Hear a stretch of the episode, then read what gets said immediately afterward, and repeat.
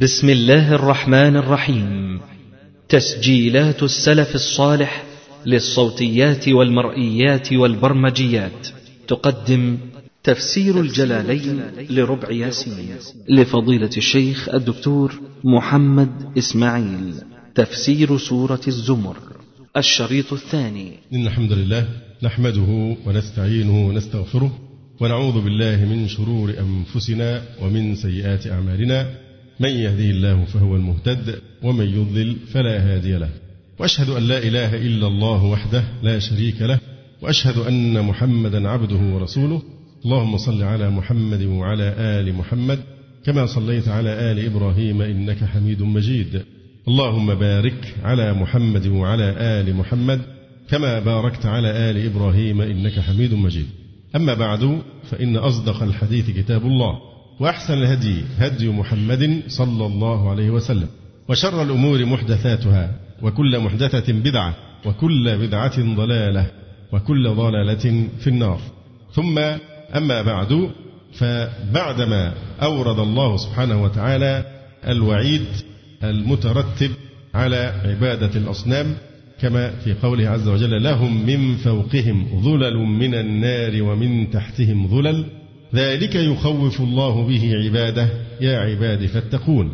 أتبع ذلك بذكر وعده لمن اجتنب عبادة الأصنام. فقال عز وجل والذين اجتنبوا الطاغوت أن يعبدوها وأنابوا إلى الله لهم البشرى فبشر عباد. قوله تعالى والذين اجتنبوا الطاغوت أن يعبدوها. قيل الطاغوت الأوثان. وقوله تعالى أن يعبدوها إشارة إلى هذه الأوثان والأصنام. استعمال ضمير التأنيث هنا أن يعبدوها. فيها تنفير للعرب من عبادة الأصنام لأنهم كانوا ينفرون من الأنثى ويكرهون ولادة الأنثى. ففي هذا اللفظ تنفير لهم من عبادتها. والطاغوت هو كل ما عبد من دون الله. يطلق على الواحد والجمع وعلى المذكر والمؤنث. ورأس الطواغيت هو الشيطان ولأنه هو الذي يأمر بعبادة الأوثان. ولذلك قال تعالى ألم أعهد إليكم يا بني آدم ألا تعبدوا الشيطان؟ إنه لكم عدو مبين وأن اعبدوني هذا صراط مستقيم. وقال إبراهيم لأبيه يا أبت لا تعبد الشيطان إن الشيطان كان للرحمن عصيا. فالشيطان هو رأس الطواغيت لأنه الآمر بكل مخالفة وبكل شرك يقع في هذا الوجود. ففي تشبيه الشيطان بالطاغوت وجوه من المبالغة. أولها تسميته بالمصدر. الطاغوت مصدر. وكأنه نفس الطغيان. كأن الشيطان هو نفس الطغيان. لأن الطاغوت مشتق من الطغيان. وهو مجاوزة الحد. إن لما طغى الماء جاوز حده. فكل من جاوز حده كعبد إلى أن يدعي الألوهية أو يقر الآخرين على عبادته ونحو ذلك فإنه يصير طاغوتا. ففي تشبيه الشيطان بالطاغوت وجوه من المبالغة. أولها تسميته بالمصدر كأنه نفس الطغيان. الثاني بناؤه على فعلوت وهي صيغة مبالغة كالرحموت الرحمة الواسعة والملكوت. الملك الواسع. كذلك تقديم لامه على عينه. اللام اللي هي الألف الطاغوت. طاغوت. على عينه وهي الغين ليفيد اختصاصه بهذه التسمية. والذين اجتنبوا الطاغوت أن يعبدوها. من يعربها؟ أن يعبدوها. مش كمل الخلاصة. أن يعبدوها كده على بعضها. ها؟ أيوة. بدل اشتمال والذين اجتنبوا الطاغوت. أي شيء يتعلق بالطاغوت إيه اللي اجتنبوه بالضبط؟ عبادته أن يعبدوها هنا بدل اشتمال. والذين اجتنبوا الطاغوت أي الأوثان أن يعبدوها فأن يعبدوها مصدر مؤول في محل نصب بدل اشتمال من الطاغوت أي اجتنبوا عبادتها. وأنابوا إلى الله. وأنابوا أي أقبلوا إلى الله لهم البشرى بالجنة. لهم البشرى بالجنة. وهذه البشرى إما أنها تكون على ألسنة الرسل أو حين الموت أو عند البعث والنشور. فبشر عباد. هذه الفاء الفصيحة. فبشر عبادي بالجنة. وهنا وضع الظاهر موضع الضمير. فلم يقل فبشرهم وإنما قال فبشر عباد لإظهار صفة العبودية. الذين يستمعون القول فيتبعون أحسنه. أولئك الذين هداهم الله وأولئك هم أولو الألباب. فبشر عبادي الذين يستمعون القول فيتبعون أحسنه وهو ما فيه فلاحهم. وقوله تعالى الذين يستمعون القول أي القول الحق من كتاب الله تعالى وسنة رسوله صلى الله عليه وسلم. فيتبعون أحسن ما يؤمرون به فيعملون بما فيه. كما قال تعالى فخذها بقوة وأمر قومك يأخذوا بأحسنها. وهذا مدح لهم. الذين يستمعون القول فيتبعون أحسنه. هذا مدح لهم أنهم نقاد في الدين. عندهم بصر وفقه وحسن إدراك للأمور. هذا مدح لهم لهؤلاء العباد المؤمنين بأنهم نقاد في الدين.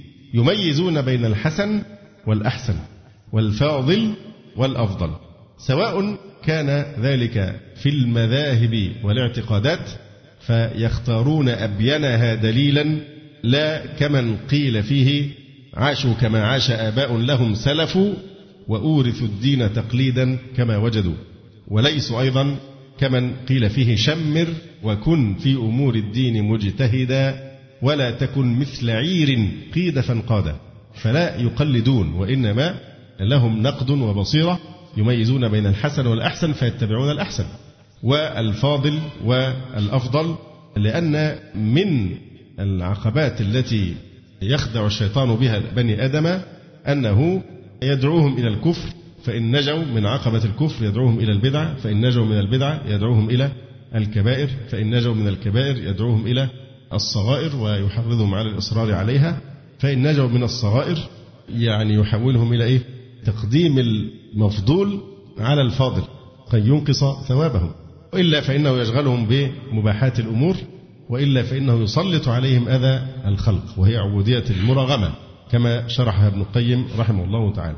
إذا هم يميزون بين الحسن والأحسن والفاضل والأفضل سواء هذا في المذاهب والاعتقادات فيتبعون أحسنها وأقواها وأنصعها دليلا لا كالمقلدين الذين ينقدون بدون بصيرة. كذلك أيضا يميزون بين الحسن والأحسن والفاضل والأفضل فيؤثرون الأفضل من كل نوعين اعترضا. فمثلا الواجب والندب أيهما أحسن؟ الواجب. حينما يحصل تعارض فهو يقدم الواجب هو يريد أن يعتكف وأمه تأمره بألا يعتكف. طاعة الوالدة هنا فريضة والاعتكاف سنة مؤكدة فتعارض فرض وواجب. كلاهما يأمر به الله الاعتكاف مأمور به وبر الوالدين مأمور به لكن عند التعارض يقدم الأحسن الذي هو هنا الأوجب ما دام التعارض بين واجب وندب. كذلك تعارض بين العفو والقصاص. القصاص حسن والعفو أحسن. هذا هو المقصود فيتبعون أحسنه. كذلك أيضا إخفاء الصدقة مع إبدائها. إبداء الصدقة حسن وإخفاؤها أحسن كما هو معلوم في حديث السبعة الذين يظلهم الله بظله يوم لا ظل إلا ظله. هذا هو المقصود من قوله تعالى الذين يستمعون القول فيتبعون أحسنه وهو ما فيه فلاحهم. أولئك الذين هداهم الله وأولئك هم أولو الألباب أي أصحاب العقول. ثم يقول تبارك وتعالى أفمن حق عليه كلمة العذاب أفأنت تنقذ من في النار؟ أفمن حق عليه أي ثبت ووجب عليه كلمة العذاب وهي قوله تعالى لأملأن جهنم من الجنة والناس أجمعين. أفأنت تنقذ من في النار؟ أفأنت تخرج من في النار؟ فالمقصود هنا أفأنت تهديه بدعائك له إلى الإيمان فتنقذه من النار؟ فهنا أطلق المسبب وأراد الإيه؟ السبب. طيب كي نوضح الكلام أكثر. هل هم ساعة نزول هذه الآيات كانوا فعلا في النار أم كانوا في الدنيا في دار الابتلاء؟ كانوا ما يزالون في دار الدنيا فهم ليسوا في النار ولكنهم كانوا على حال يؤول بهم إلى النار. فإذا أطلق المسبب وهو دخول جهنم. أفأنت تنقذ من في النار؟ يعني من هو على كفر وضلال يكون سببا في دخول النار.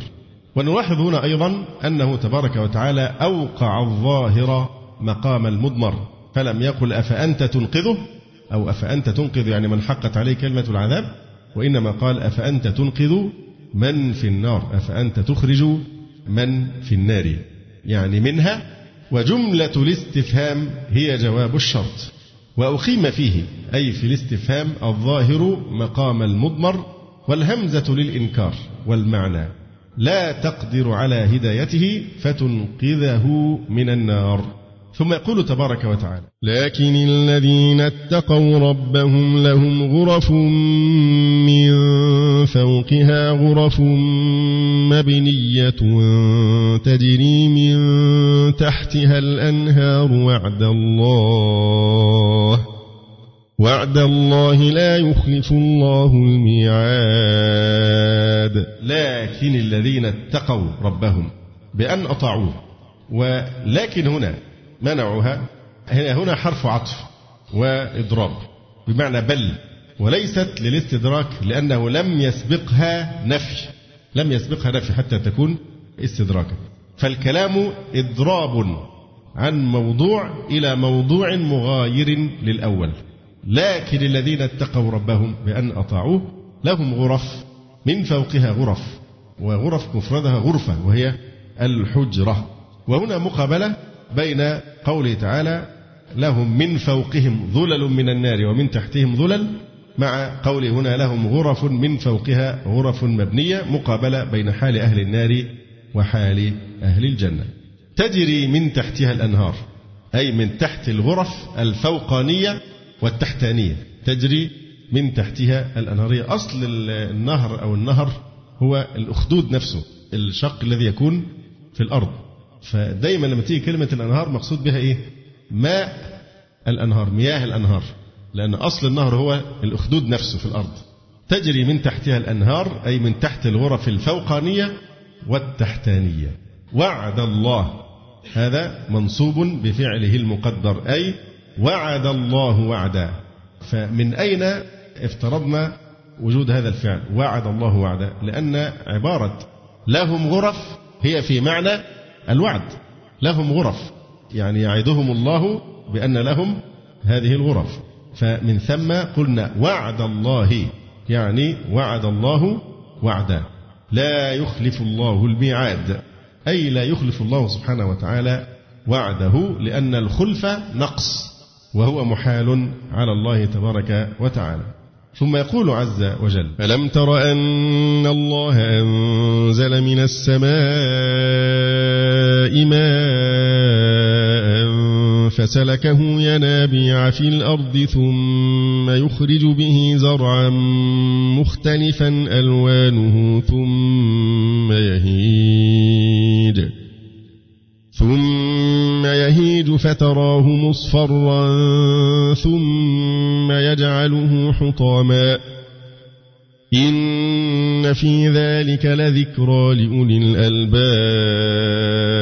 ألم تر أي ألم تعلم. والهمزة هنا للاستفهام الإيه؟ التقريري. هنا استفهام تقريري. ألم ترى أن الله أي ألم تعلم أن الله أنزل من السماء. مقصود من السماء هنا الإيه؟ السحاب. ماء. فسلكه ينابيع. والينابيع جمع ينبوع وهو عين الماء فسلكه ينابيع يعني أدخله أمكنة نبع. فسلكه ينابيع في الأرض يبقى سلكه ينابيع معناها إيه؟ أدخله أمكنة نبع لأن الينبوع أصلا بيكون في ماء. لكن هنا الماء بيأتي من السماء ويدخل الأماكن التي هي أماكن نبع للماء. فسلكه ينابيع في الأرض ثم يخرج به زرعا مختلفا ألوانه. السياق أو أسلوب العطف كان يقتضي أن يكون هذا الفعل إيه؟ يخرج أم أخرج؟ أخرج. ده كي يتمشى مع العطف. لكنه عدل عن الماضي إلى المضارع لاستحضار الصورة. ألم تر أن الله أنزل من السماء ماء فأنزلها فسلكه. ينابيع في الأرض. ثم لم يقل ثم أخرج منه وإنما قال ثم يخرج. لأن المضارع يفيدنا في استحضار صورة خروج الزرع بهذا الماء. ثم يخرج به زرعا مختلفا ألوانه. من يعرب ألوانه؟ لإيه بقى؟ فاعل لإيه؟ لكلمة إيه؟ مختلف. فمختلفا دي نعت صفة لزرعا. زرعا مختلفا. ألوانه فاعل لاسم الفاعل هو مختلف. ثم يهيج. يهيج يعني أي الزرع. يهيج الزرع أي ييبس. ويتم جفافه. لأنه إذا تم جفافه حان له أن يثور عن منابته ويذهب. فتراه مصفرا يعني فتراه بعد لونه الذي كان عليه وهو لون الخضرة مثلا تراه إيه؟ مصفرا ثم يجعله حطاما. إذا قوله تعالى فتراه مصفرا. الرؤية هنا بصرية أم علمية؟ لماذا؟ اللون الأصفر فتراه مصفرا فهنا ليست علمية وإنما هي رؤية بصرية. فتراه فالرؤية هنا بصرية. ولذلك إحنا نعرف كلمة مصفرا إيه؟ حال. فتراه مصفرا. ثم يهيج أي الزرع أي ييبس ويتم جفافه لأنه إذا تم جفافه حان له أن يثور عن منابته ويذهب. فتراه ببصرك أو بعينك بعد لونه الذي كان عليه كاللون الأخضر أو الأحمر أو الأصفر أو نحو ذلك. فتراه إيه؟ مصفرا. بيبدأ يميل إلى الاصفرار ثم يجعله حطاما فتاتا مكسرا. إن في ذلك لذكرى. هذه اللام المزحلقة. لذكرى أي تذكيرا لأولي الألباب يتذكرون به دلالته على وحدانية الله عز وجل وقدرته. ثم يقول تعالى أفمن شرح الله صدره للإسلام فهو على نور من ربه فويل للقاسية قلوبهم من ذكر الله. أولئك في ضلال أفمن شرح الله صدره للإسلام فهو على نور من ربه أفمن شرح الله صدره للإسلام فاهتدى لأن نور الإيمان إذا دخل القلب انفسح له الصدر وانشرح. أفمن شرح الله صدره للإسلام وسعه وفسحه ونوره بالإيمان فاهتدى وذلك مثل قوله تعالى فمن يرد الله أن يهديه يشرح صدره للإسلام. فهو على نور من ربه أن كلمة شرح معناها فتح وبسط ووسع. فهو على نور أي هدى من ربه. هنا في قوله عز وجل أفمن شرح الله صدره للإسلام؟ إيجاز بالحذف. هنا إيجاز بالحذف لدلالة السياق عليه. وتقدير المحذوف إيه؟ أفمن شرح الله صدره للإسلام؟ كمن طبع الله على قلبه؟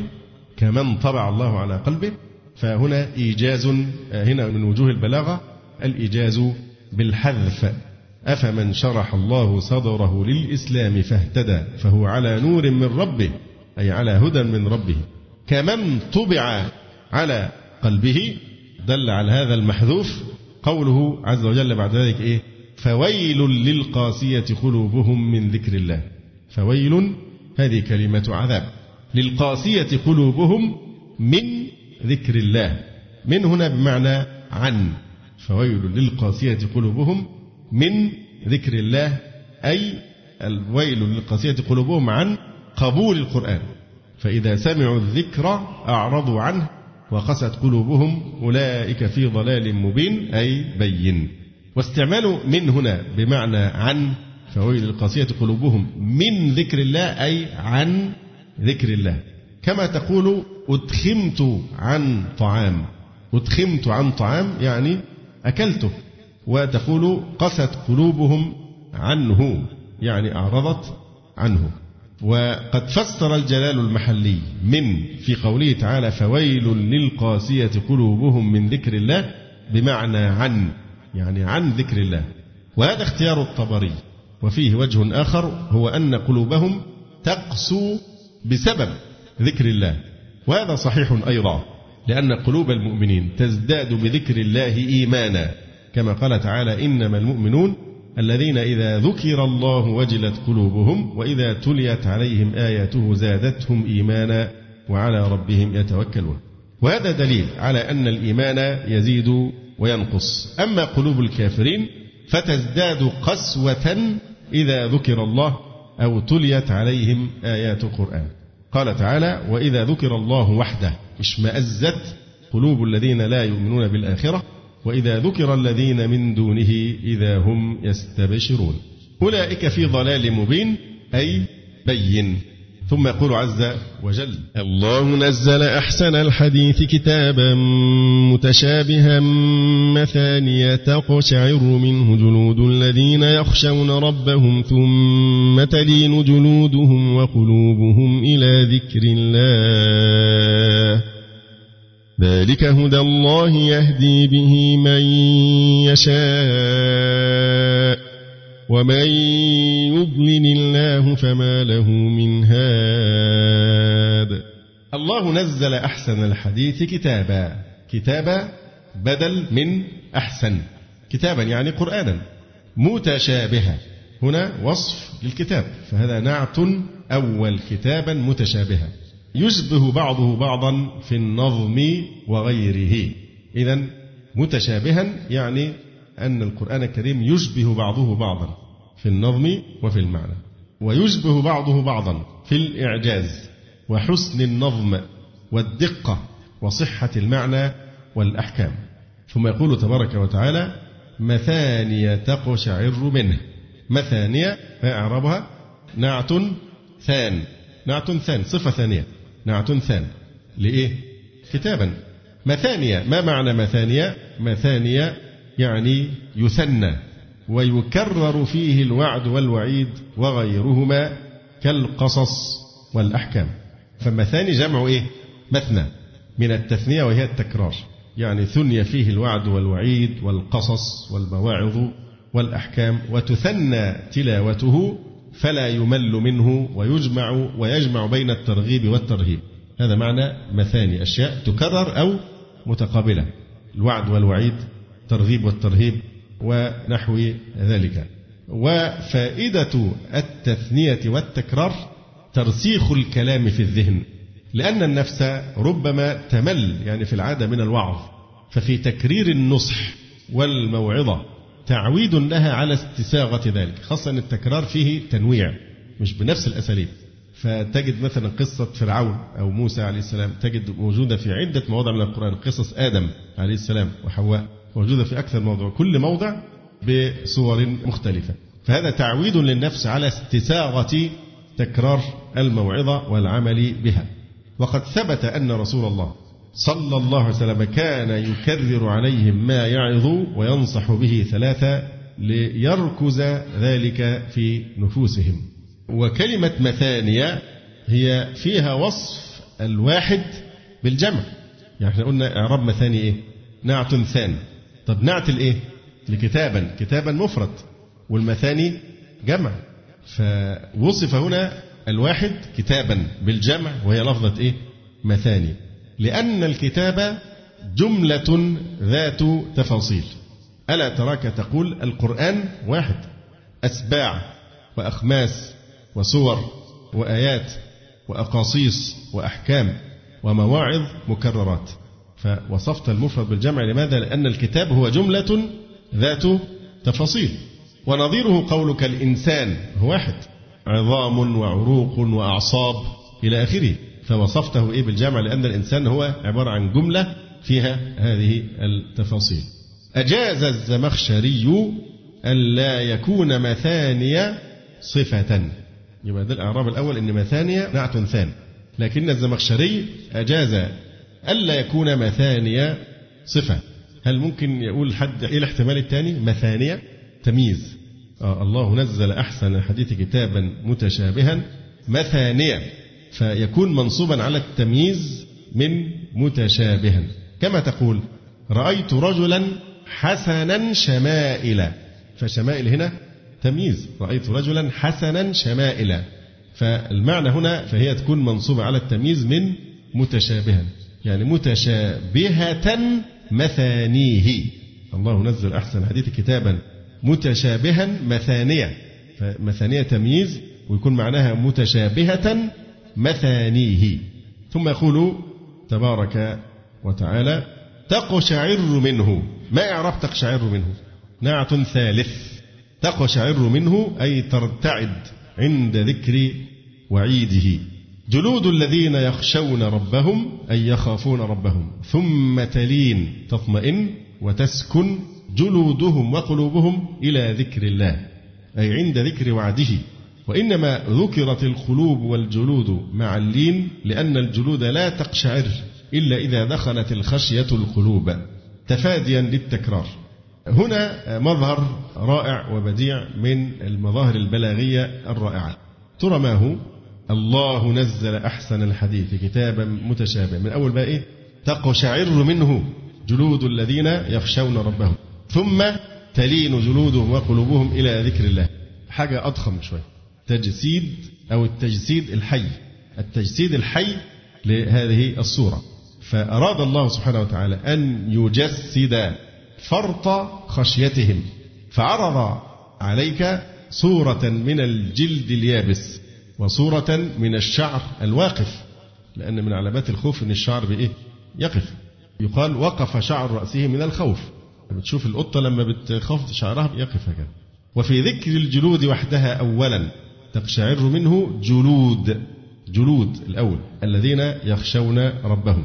فذكر القلوب وحدها أولا ثم بعد ذلك قال ثم تلين جلودهم وقلوبهم إلى ذكر الله فقرنها بالقلوب ثانيا. لأن ذكر الخشية التي محلها القلوب مستلزم لذكر القلوب.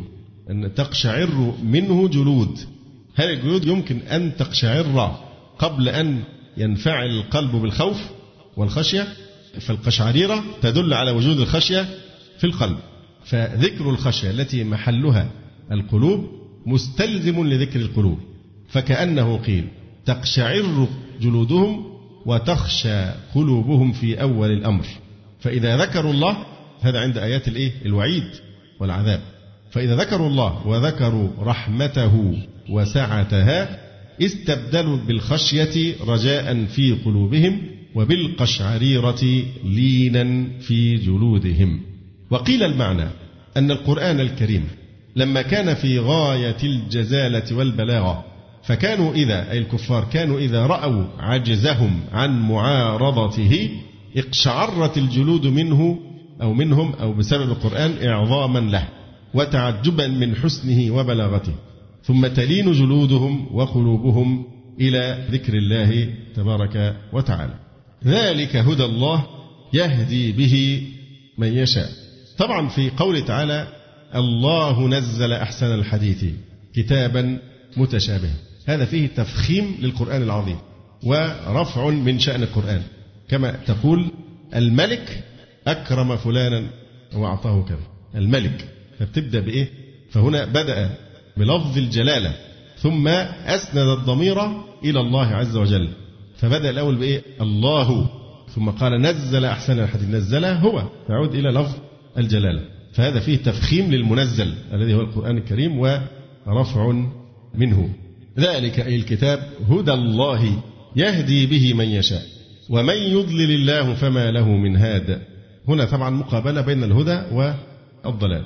ومن يضلل الله الواو هنا استئنافية استئنافية. ومن يضلل الله فما له من هذا الفاء هنا رابطة فما له من هاد. الحقيقة حق هذه الآية أن نقف عندها قليلا لنتكلم عن أحوال السلف في ضوء هذه الآية عند قراءة القرآن الكريم. مع مقارنتها بأحوالنا وإن كنا ذكرناه من قبل في الكلام على خير الهدي. بحث عودوا إلى خير الهدي. ذلك هدى الله يهدي به من يشاء ومن يضلل الله فما له من هاد. ثم يقول تبارك وتعالى أفمن يتقي بوجهه سوء العذاب يوم القيامة وقيل للظالمين ذوقوا ما كنتم تكسبون. أفمن يتقي بوجهه سوء العذاب يوم القيامة وقيل للظالمين ذوقوا ما كنتم تكسبون. أفمن يتقي بوجهه سوء العذاب؟ هذا استفهام إنكاري. آ أفمن يتقي؟ استفهام إنكاري. أما الفاء يبقى الهمزة للاستفهام الإنكاري. طيب أفمن الفاء في قوله أفمن عاطفة على جملة مقدرة تفهم من مضمون السياق. يعني أكل الناس سواء فمن يتقي من يتقي بوجه سوء العذاب يوم القيامة كمن أمن من العذاب. واضح؟ فالفاء في قوله آ فمن أفمن الفاء عاطفة على جملة مقدرة. تفهم من مضمون السياق؟ يعني أكل الناس سواء فمن يتقي؟ ومن هنا اسم موصول في محل رفع مبتدأ. أما الخبر فهو محذوف. تقديره كمن أمن من العذاب. وهذا أيضا يكون إيه؟ إيجازا بالإيه؟ بالحذف. أفمن يتقي أي يلقى بوجهه سوء العذاب يوم القيامة. قلنا هذا فيه إيجاز بالحذف وجوابه إيه؟ كمن أمن منه. أي من سوء العذاب بدخول الجنة. هل هذا مثل ذاك؟ ومعنى قوله أفمن يتقي أي يلقى. تفسير هذه الآية دقيق جدا في غاية الدقة. أفمن يتقي بوجهه سوء العذاب يوم القيامة. هل هذا الوصف يدل على حال أيديهم؟ ها اشرح. هم؟ آه يبقى أيديهم مغلولة. هو الإنسان لما بيريد أن يتقي شيئا يؤذيه. الوجه خادم أم مخدوم؟ الوجه شريف. أشرف أعضاء البدن هي الوجه. فمن ثم الإنسان ممكن يضحي بأي شيء ثاني غير الوجه. فالإنسان لما بيتعرض لخطر مش معقولة بيحمي إيديه أو جسمه بعينيه ووجهه وملامحه. لا بالعكس ممكن يضحي بإيديه بس ما تجيش الأذية في وجهه لأنه مجمع المحاسن والحواس المهمة. وهو أشرف أعضاء البدن. يعني في في الطب حاجة اسمها الإساءة إلى الأطفال. نجد الصور موجودة في مراجع الطبية بتيجي من الغرب يعني. ففي حاجة اسمها التشايلد أبيوز اللي هو الإساءة للأطفال. فجايبين صور الدكتور لما بيجي له الحالة لازم يشك إن في حد كان بيعذب الطفل ده. في حالة معينة يجيبوا الطفل وصور موجودة. ايدين الاثنين ورجلين الاثنين مشوية بالنار بماء مغلي. عاملة زي البندق كده ومكسرات من إيه الفقاقيع التي فيها. فعلى طول هنا في هذه الحالة ينبغي أن يشك إن في حد كان بيعذب الطفل ده. لأنه لما يرميه في مية بتغلي الطفل بالفطرة هيواجه النار بإيه؟ مش بواجب بيحاول يتقي بإيديه ورجليه. عشان يحمي سائر بدنه وبالذات الوجه. إذا إذا الإنسان تعرض للإلقاء في النار أو إلى واجهته نار أكيد هيحاول يتقي بأن يحمي وجهه بيديه لا بوجهه نفسه. فهنا قوله تعالى أفمن يتقي بوجهه سوء العذاب؟ هو في الحقيقة لا يتقي بوجهه. هو هنا شوف التفسير في غاية الدقة. كلمة أفمن إيه؟ يتقي فسرها بإيه؟ المحلية. أفمن يلقى بوجهه. هو مش بيتقي لأن إيديه مغلولة إلى الأعناق. الإيديه مغلولة فهو لن يستطيع أن يتقي بيديه كما هي العادة. ولكنه حينما يقذف في النار فإنه يلقى النار بوجهه. فقوله تعالى أفمن يتقي بوجهه؟ هذه كناية عن عدم الاتقاء. إن كلمة يتقي بوجهه تدل على عدم الإيه؟ الاتقاء. ولذلك فسرها هنا بقول أفمن يلقى بوجهه لأول ما يترمى ويكب في النار وليكب الناس في النار على مناخرهم أول شيء الوجه فهو يلقى النار بوجهه رغما عنه لأن هذا يدل ضمنا على إيه؟ لأن الوجه لا يتقى به وأما الذي يتقى به فهما اليدان واليدان مغلولتان ولو لم يغلى لكان يدفع بهما عن الوجه لأنه أي الوجه أعز أعضاء هذا البدن فيضحي في سبيله ولا يضحي به. فهو حينما يلقى في النار لا يتقي في الحقيقة بوجهه وإنما يلقى النار بوجهه لأن يديه مغلولتان. فانظر إلى دقة الجلال المحلي في اختيار التفسير. هي كلمة واحدة ولكن وراءها دراسة وبحث ومعاني عظيمة جدا. يبقى أفمن يتقي بوجهه؟ يعني أفمن إيه؟ يلقى بوجهه يقابل وجهه النار. لا يملك غير هذا لأنه يقذف فيه ويداه مغلولتان. إذا قوله تعالى فمن يتقي بوجهه كناية عن عدم الاتقاء والمعنى أفمن يلقى بوجهه سوء العذاب يوم القيامة يعني كمن أمن منه بدخول الجنة لا يستويان. وقوله تعالى سوء العذاب أي أشده بأن يلقى في النار مغلولة يداه إلى عنقه كمن أمن منه أي من سوء العذاب بدخول الجنة وقيل للظالمين ذوقوا ما كنتم تكسبون. وقيل للظالمين ما نوع الواو؟ هي يجوز أن تكون الواو هنا حالية والجملة في محل نصب على الحال من ضمير يتقي ويمكن أن يقدر إيه؟ قد. يعني الواو للحال ويقدر قد. يعني أفمن يتقي وقد قيل للظالمين. في حال أنه يقال للظالمين ذوقوا ما كنتم تكسبون. وقيل للظالمين أي كفار؟ مكة وغيرهم. ذوقوا ما كنتم تكسبون. طب لو قلنا كفار مكة فقط يبقى هنا اللام في الظالمين لإيه؟ للعهد. طيب وإذا قلنا كفار مكة وغيرهم يبقى اللام هنا لإيه؟ للجنس. وقيل للظالمين أي كفار مكة وغيرهم ذوقوا. إعراب ذوقوا مقول القول. الجملة كلها مقول القول. وقيل للظالمين قيل لهم إيه؟ ذوقوا. هذا هو مقول القول طبعا الجملة في محل نصب. ذوقوا ما كنتم تكسبون. أي جزاء ما كنتم تكسبون. وقوله تعالى وقيل للظالمين هنا أيضا وضع الظاهر موضع المضمر تسجيلا عليهم بالظلم. لم يقل وقيل لهم كما يقتضيه السياق ولكن قال وقيل للظالمين. فوضع الظاهر موضع المضمر تسجيلا عليهم بالظلم. ثم يقول تبارك وتعالى كذب الذين من قبلهم فأتاهم العذاب من حيث لا يشعرون. كذب الذين من قبلهم. هذا كلام مستأنف. مسوق لبيان ما أصاب الكافرين من قبلهم من عذاب دنيوي. كذب الذين من قبلهم رسلهم في إتيان العذاب. يعني كذبوا بهذا العذاب. أنه آت. رسلهم في إتيان العذاب. فأتاهم العذاب. الفاء عاطفة على ما تقدم. فأتاهم العذاب من حيث لا يشعرون. يعني من جهة لا تخطر ببالهم. إيه إعراب؟ جملة لا يشعرون. آه جملة في محل جر مضاف إليه. والمضاف إيه هو؟ الضمير حيث. فأذاقهم الله الخزي في الحياة الدنيا ولعذاب الآخرة أكبر. لو كانوا يعلمون. فأذاقهم الله الخزي. الفاء هنا عاطفة. فأذاقهم الله الخزي. إيه إعراب الخزي؟ ها؟ مفعول به ثان. طب والأول إيه؟ هم. فأذاقهم الله الخزي أي الذل والهوان من المسخ والقتل وغيره. في الحياة الدنيا. ولعذاب الآخرة أكبر لو كانوا يعلمون. أكبر لو كانوا أي المكذبون يعلمون عذابها ما كذبوا. يبقى يعلمون إيه؟ عذابها. ما كذبوا. ولقد ضربنا للناس في هذا القرآن من كل مثل لعلهم يتذكرون. وقرئ في هذا القرآن وأيضا قرآنا عربيا غير ذي عوج لعلهم يتقون. ولقد ضربنا أي جعلنا للناس في هذا القرآن من كل مثل لعلهم يتذكرون أي يتعظون. قرآنا عربيا غير ذي عوج لعلهم يتقون. قرآنا عربيا. هذه تسمى حالا مؤكدة أو موطئة. الحقيقة أن الحال هي كلمة إيه؟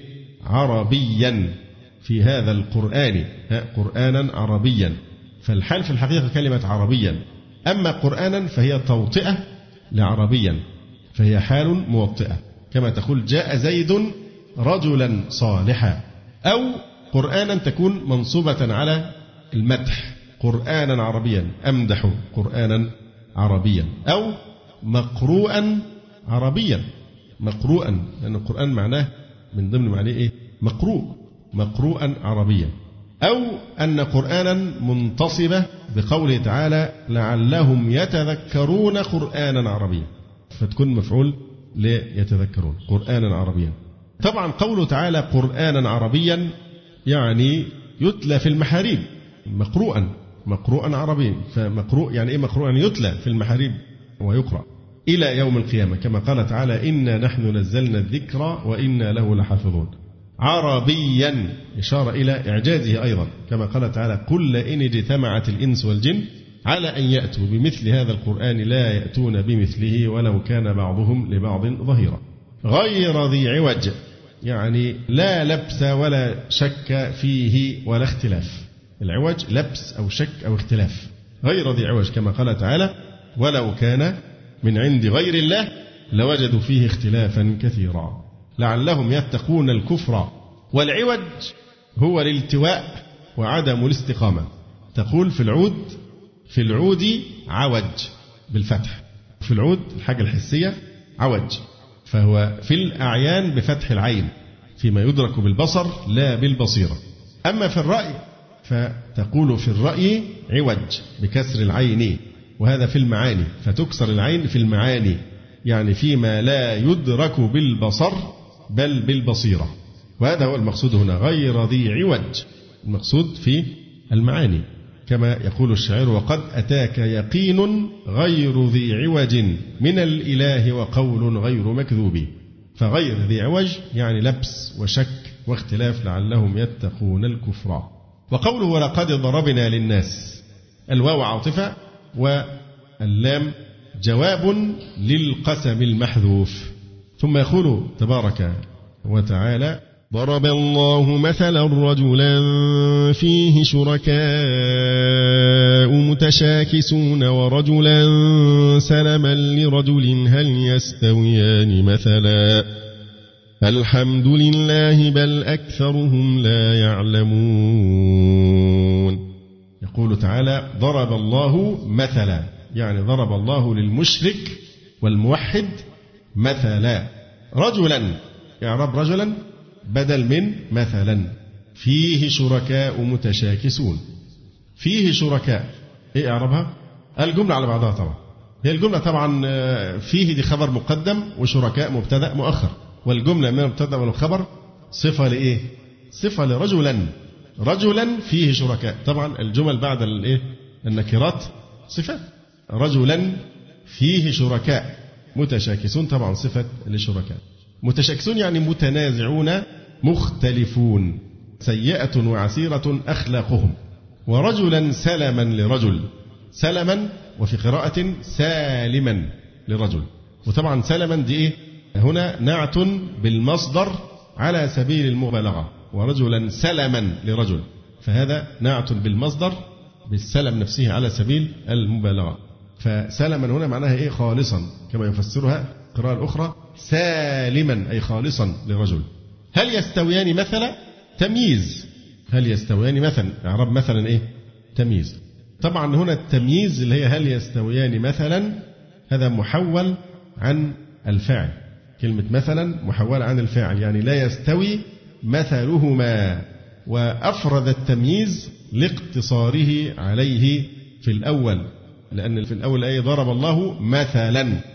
رجلا فيه شركاء متشاكسون ورجلا سلما لرجل هل يستويان مثلا؟ فأفرد التمييز اللي هي مثلا لأنه اقتصر في الأول على لفظة مثلا مفرد. أي لا يستوي العبد لجماعة والعبد لواحد. لا يستوي حالهم. يعني لو عبد واحد لكن يملكه عدة شركاء والمشكلة أنهم شركاء متشاكسون متخالفون أخلاقهم عسيرة وسيئة. وكل منه يريد أن يشغله وينفذ ما يأمره به وآراءهم متعارضة فتخيل هذا العبد كيف يكون حاله؟ رجلا فيه شركاء متشاكسون ورجلا سلما لرجل خالصا لرجل. هل يستويان مثلا؟ أي لا يستوي العبد لجماعة والعبد لواحد. فإن الأول إذا طلب منه كل من مالكيه خدمته في وقت واحد تحير في من يخدمه منهم.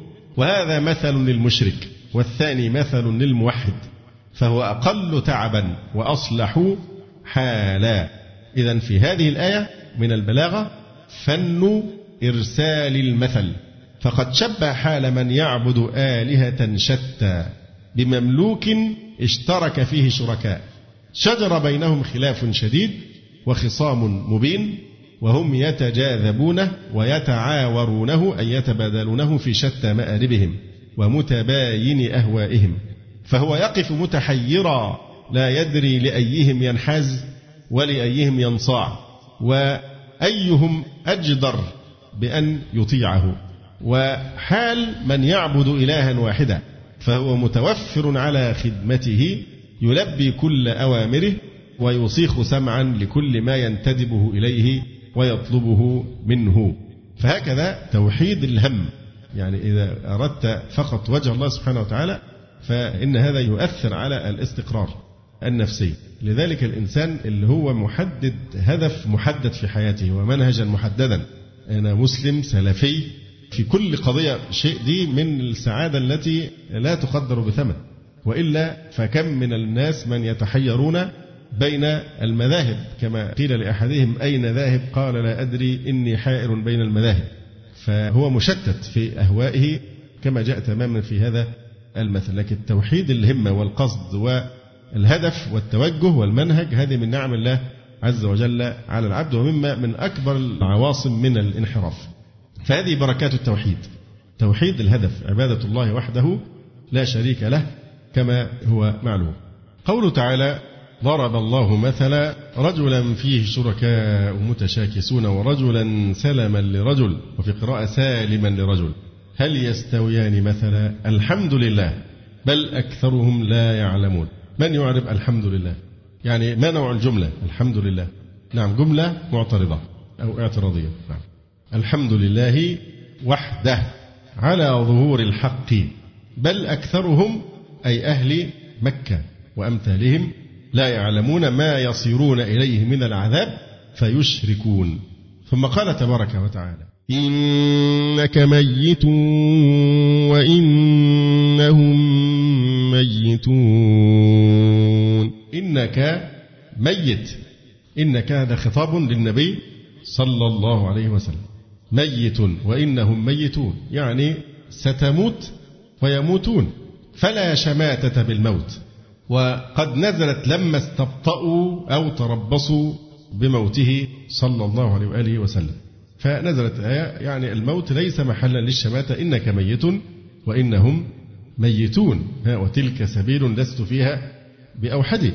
طيب ما الفرق بين الميت والميت؟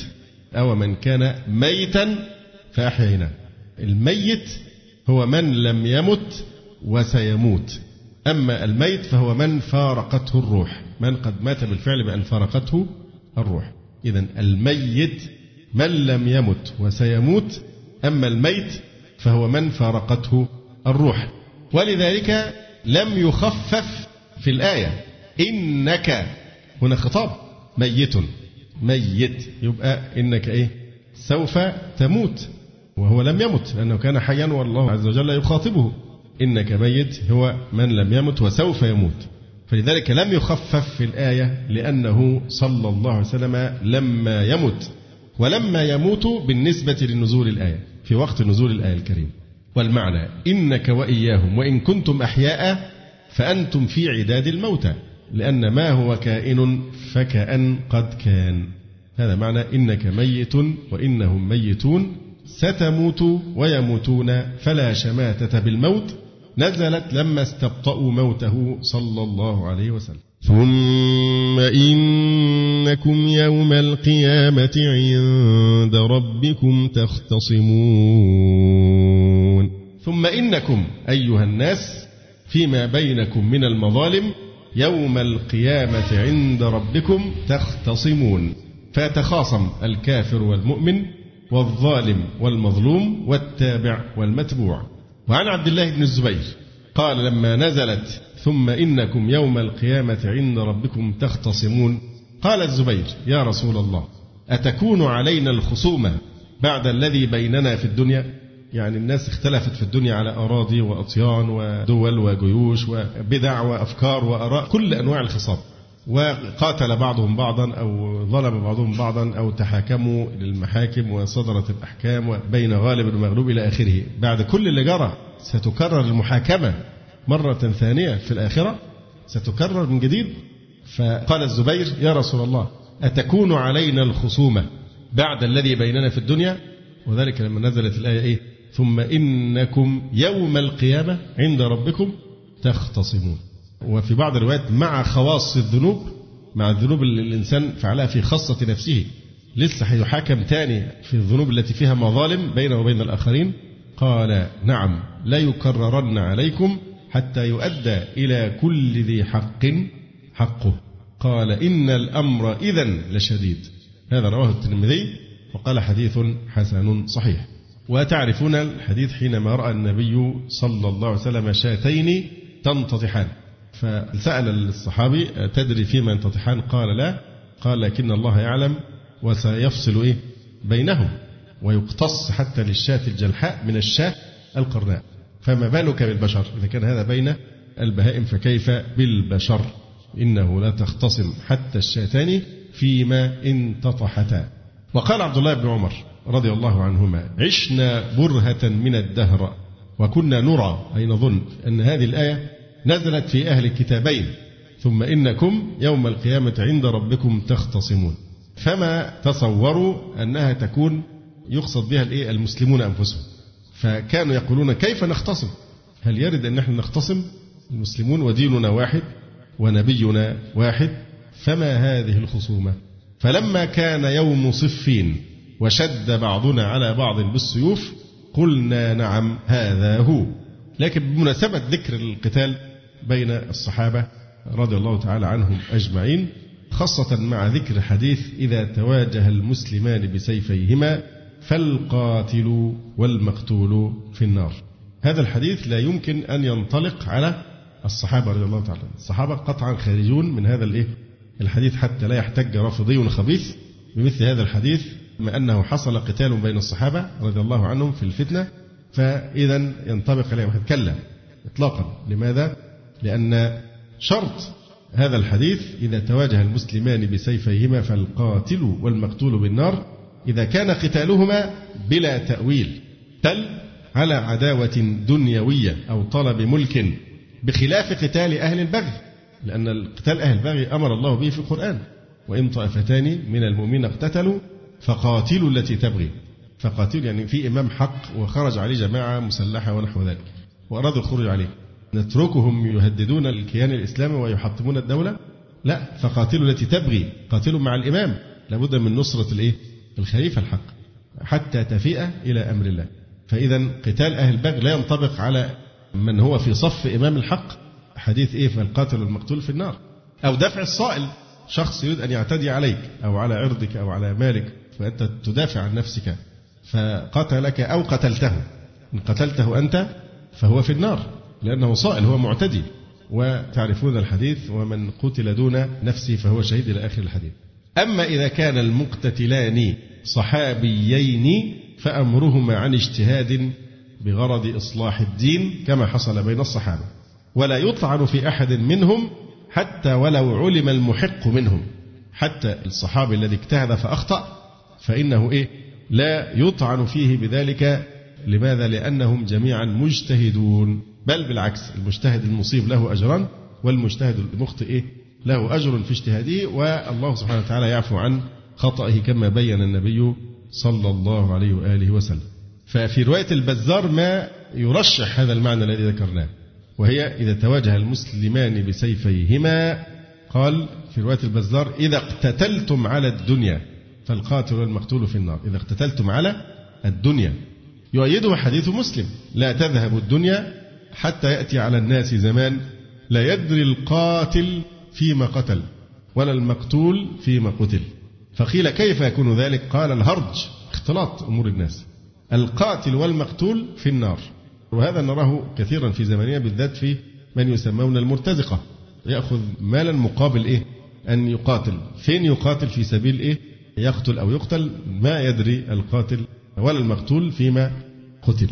فهذا فيما يتعلق بقوله تعالى ثم إنكم يوم القيامة عند ربكم تختصمون فيتخاصم الكافر والمؤمن والظالم والمظلوم والتابع والمتبوع. فمن أظلم ممن كذب على الله وكذب بالصدق إذ جاءه. أليس في جهنم مثوى للكافرين؟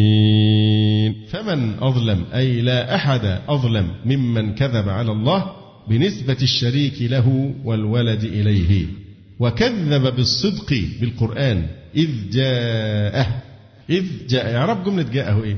آه في محل جر مضاف إليه. إذ جاء أليس في جهنم مثوى للكافرين؟ هذا استفهام تقريري. أليس في جهنم مثوى للكافرين؟ بلى مثوى للكافرين. مثوى يعني مقام ومأوى للكافرين.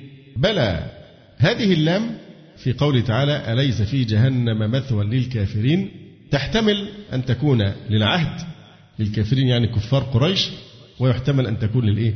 للجنس. فتعم جميع الكفار. بلى أليس في جهنم مثوى للكافرين؟ الاستفهام أتى بعده إيه؟ نفي. أ ليس. فالجواب بيكون إيه؟ بلى في حالة الإثبات. ولذلك يقول القاضي كنعان هنا قوله بلى هي حرف جواب تختص بالنفي وتفيد إبطاله سواء أكان مجردا عن استفهام ونحوه كقوله تعالى زعم الذين كفروا أن لن يبعثوا قل بلى وربي أم كان النفي مقرونا بالاستفهام على حقيقته كقولنا أليس زيد بقائم فتقول إيه بلى في الإثبات بلى أو مقرونا بالاستفهام على سبيل التوبيخ كقوله تعالى أم يحسبون أن لا نسمع سرهم ونجواهم؟ بلى. أو كان الاستفهام تقريريا كقوله تعالى ألم يأتكم نذير؟ قالوا بلى. وكقوله ألست بربكم؟ قالوا بلى. قال ابن عباس رضي الله عنهما وغيره لو قالوا نعم لكفروا. ألست بربكم؟ لو قالوا نعم يبقى إيه؟ يكفرون بذلك. ووجهه أن نعم تصديق للمخبر بنفي أو إيجاب بما أخبر به بينما بلى تفيد إبطال النفي وإثبات المنفي. فمعنى الجواب ببلى في الآيات المذكورة بلى سنبعث وبلى نسمع ذلك وبلى قد جاءنا نذير وبلى أنت ربنا وهكذا باقي الآيات والأمثال. والذي جاء بالصدق وصدق به أولئك هم المتقون. والذي جاء بالصدق الواو هنا استئنافية. والذي جاء بالصدق هو النبي صلى الله عليه وسلم. وصدق به وهم المؤمنون وأولهم وأعظمهم أبو بكر الصديق رضي الله تعالى عنه.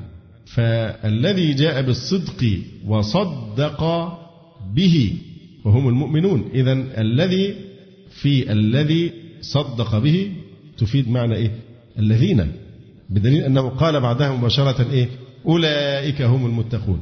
أولئك هم المتقون الشرك فالذي بمعنى الذين ولذلك روعي معنى الذي في أولئك هم المتقون. ثم يقول تبارك وتعالى لهم ما يشاءون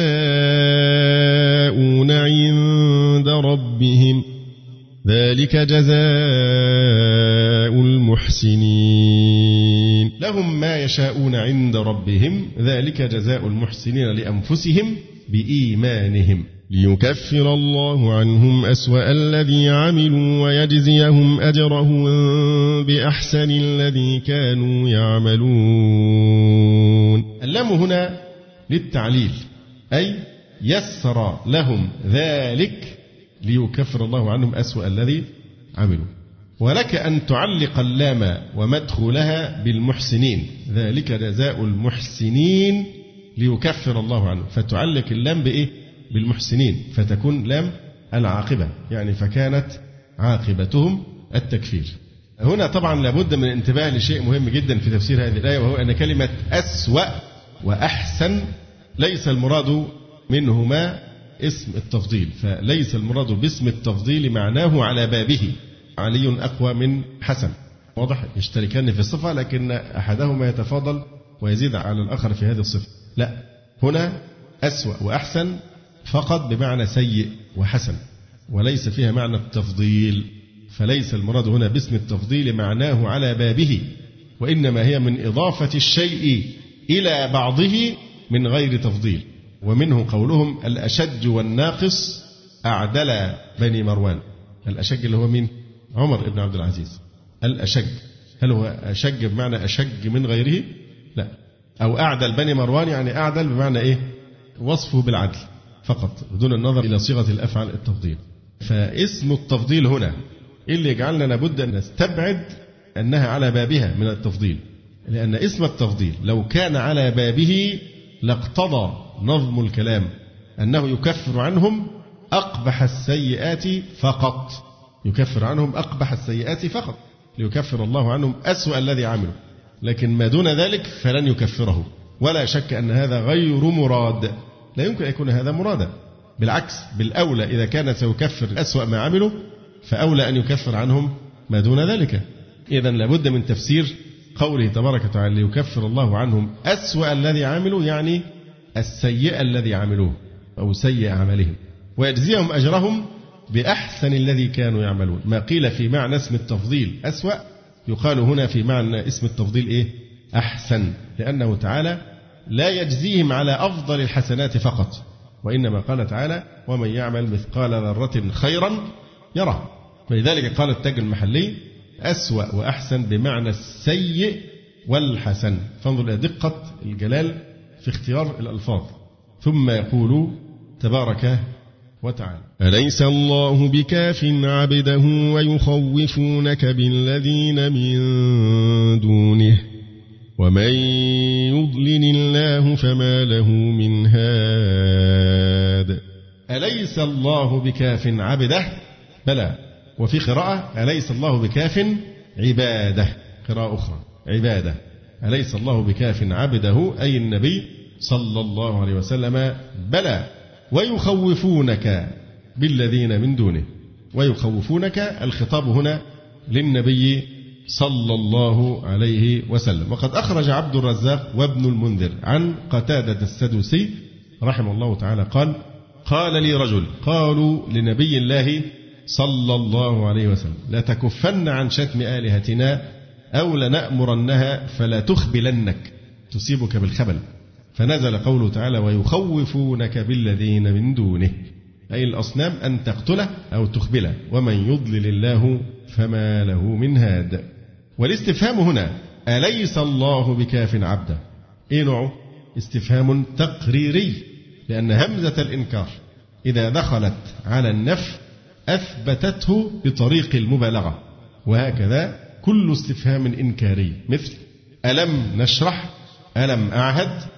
دخل على نفي فإنه يفيد معنى التقرير والتثبيت بالدليل. لماذا؟ لأن نفي النفي إثبات. الناقص في الناقص بتبقى إيه؟ زائد. نفي النفي إثبات. أليس الله بكاف عبده ويخوفونك بالذين من دون إذا هذه الآية ينبغي أن يستدل بها في مواجهة من إذا نهيتهم عن عبادة غير الله من الأضرحة والأولياء والمشاهد ونحو ذلك. فبعض الكهنة وبالذات سدنة هذه الأماكن يقولون لك إيه؟ خلي بالك لحسن إيه؟ يلطشك أو يجنك أو يؤذيك خلي بالك لا تتمادى في هذا. فلتستحضر هذه الآية وقول أليس الله بكاف عبدا ويخوفونك بالذين من دونه ومن يضل الله فما له من هذا وهذا له أمثلة كما قال قوم هود عليه السلام إن نقول إلا اعتراك بعض آلهتنا بسوء. قال إني أشهد الله واشهدوا أني بريء مما تشركون من دونه فكيدوني جميعا. ثم لا تنظرون ولا تؤجلوا إني توكلت على الله ربي وربكم. ما من دابة إلا هو آخذ بناصيتها. إن ربي على صراط مستقيم. ومن يهد الله فما له من مضل. أليس الله بعزيز ذي انتقام؟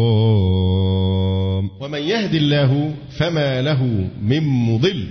أليس الله؟ استفهام هنا أيضا إيه؟ تقريري. أليس الله بعزيز أي غالب على أمره ذي انتقام من أعدائه؟ بلى. ثم يقول تبارك وتعالى ولئن سألتهم من خلق السماوات والأرض ليقولن الله.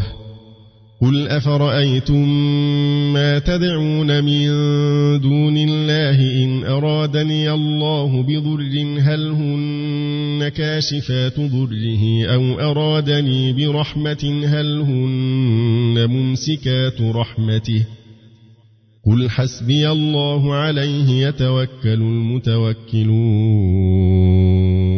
ولئن سألتهم من خلق السماوات والأرض ليقولن الله ولئن اللام لام القسم سألتهم من خلق السماوات والأرض لا يقولون الله قل أفرأيتم ما تدعون أفرأيتم معناها إيه؟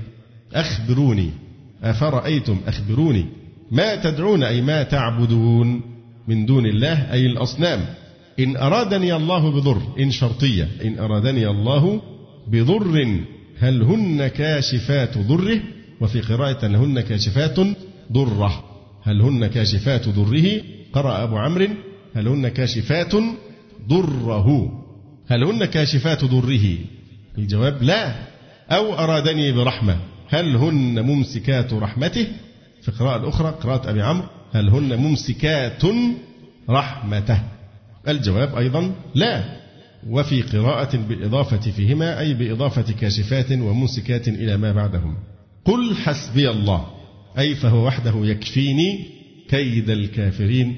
عليه يتوكل المتوكلون أي يثق الواثقون. قل يا قوم اعملوا على مكانتكم إني عامل فسوف تعلمون. قل يا قوم اعملوا على مكانتكم. يعني على حالتكم. اعملوا على مكانتكم يعني على حالتكم. إني عامل يعني على مكانتي. يعني إيه؟ على حالتي فسوف تعلمون. فعلى مكانتكم استعارة تصريحية. شبهت الحال بالمكان القار فيه. شبهت الحال والحال دي عرض. شبهت بمكان الذي هو موضع الاستقرار. اعملوا على مكانتكم. مكانتكم إيه؟ مكان الاستقرار. فشبهت الحال الحال هي النفسية أو نحو ذلك بالإيه؟ بالمكان الذي يستقر فيه الإنسان. ووجه الشبه ثباتهم في تلك الحال. شبه بثبات المتمكن في مكانه. يقول يا قوم اعملوا على مكانتكم إيه؟ على حالكم الذي أنتم ثابتون عليه. كالمكان كأنه مكان. لا تغادرونه. قل يا قوم اعملوا على مكانتكم أي حالتكم. إني عامل على مكانتي أي على حالتي. من يأتيه عذاب يخزيه ويحل عليه عذاب مقيم. فسوف تعلمون من يأتيه عذاب يخزيه. من إعرابها إيه؟ مفعول تعلم. سوف تعلمون من؟ ده اسم موصولة وهي مفعول العلم يعني. من يأتيه عذاب يخزيه أي يذله ويهينه في الدنيا بالقتل والسبي ويحل أن ينزل عليه في الآخرة عذاب مقيم دائم وهو عذاب النار.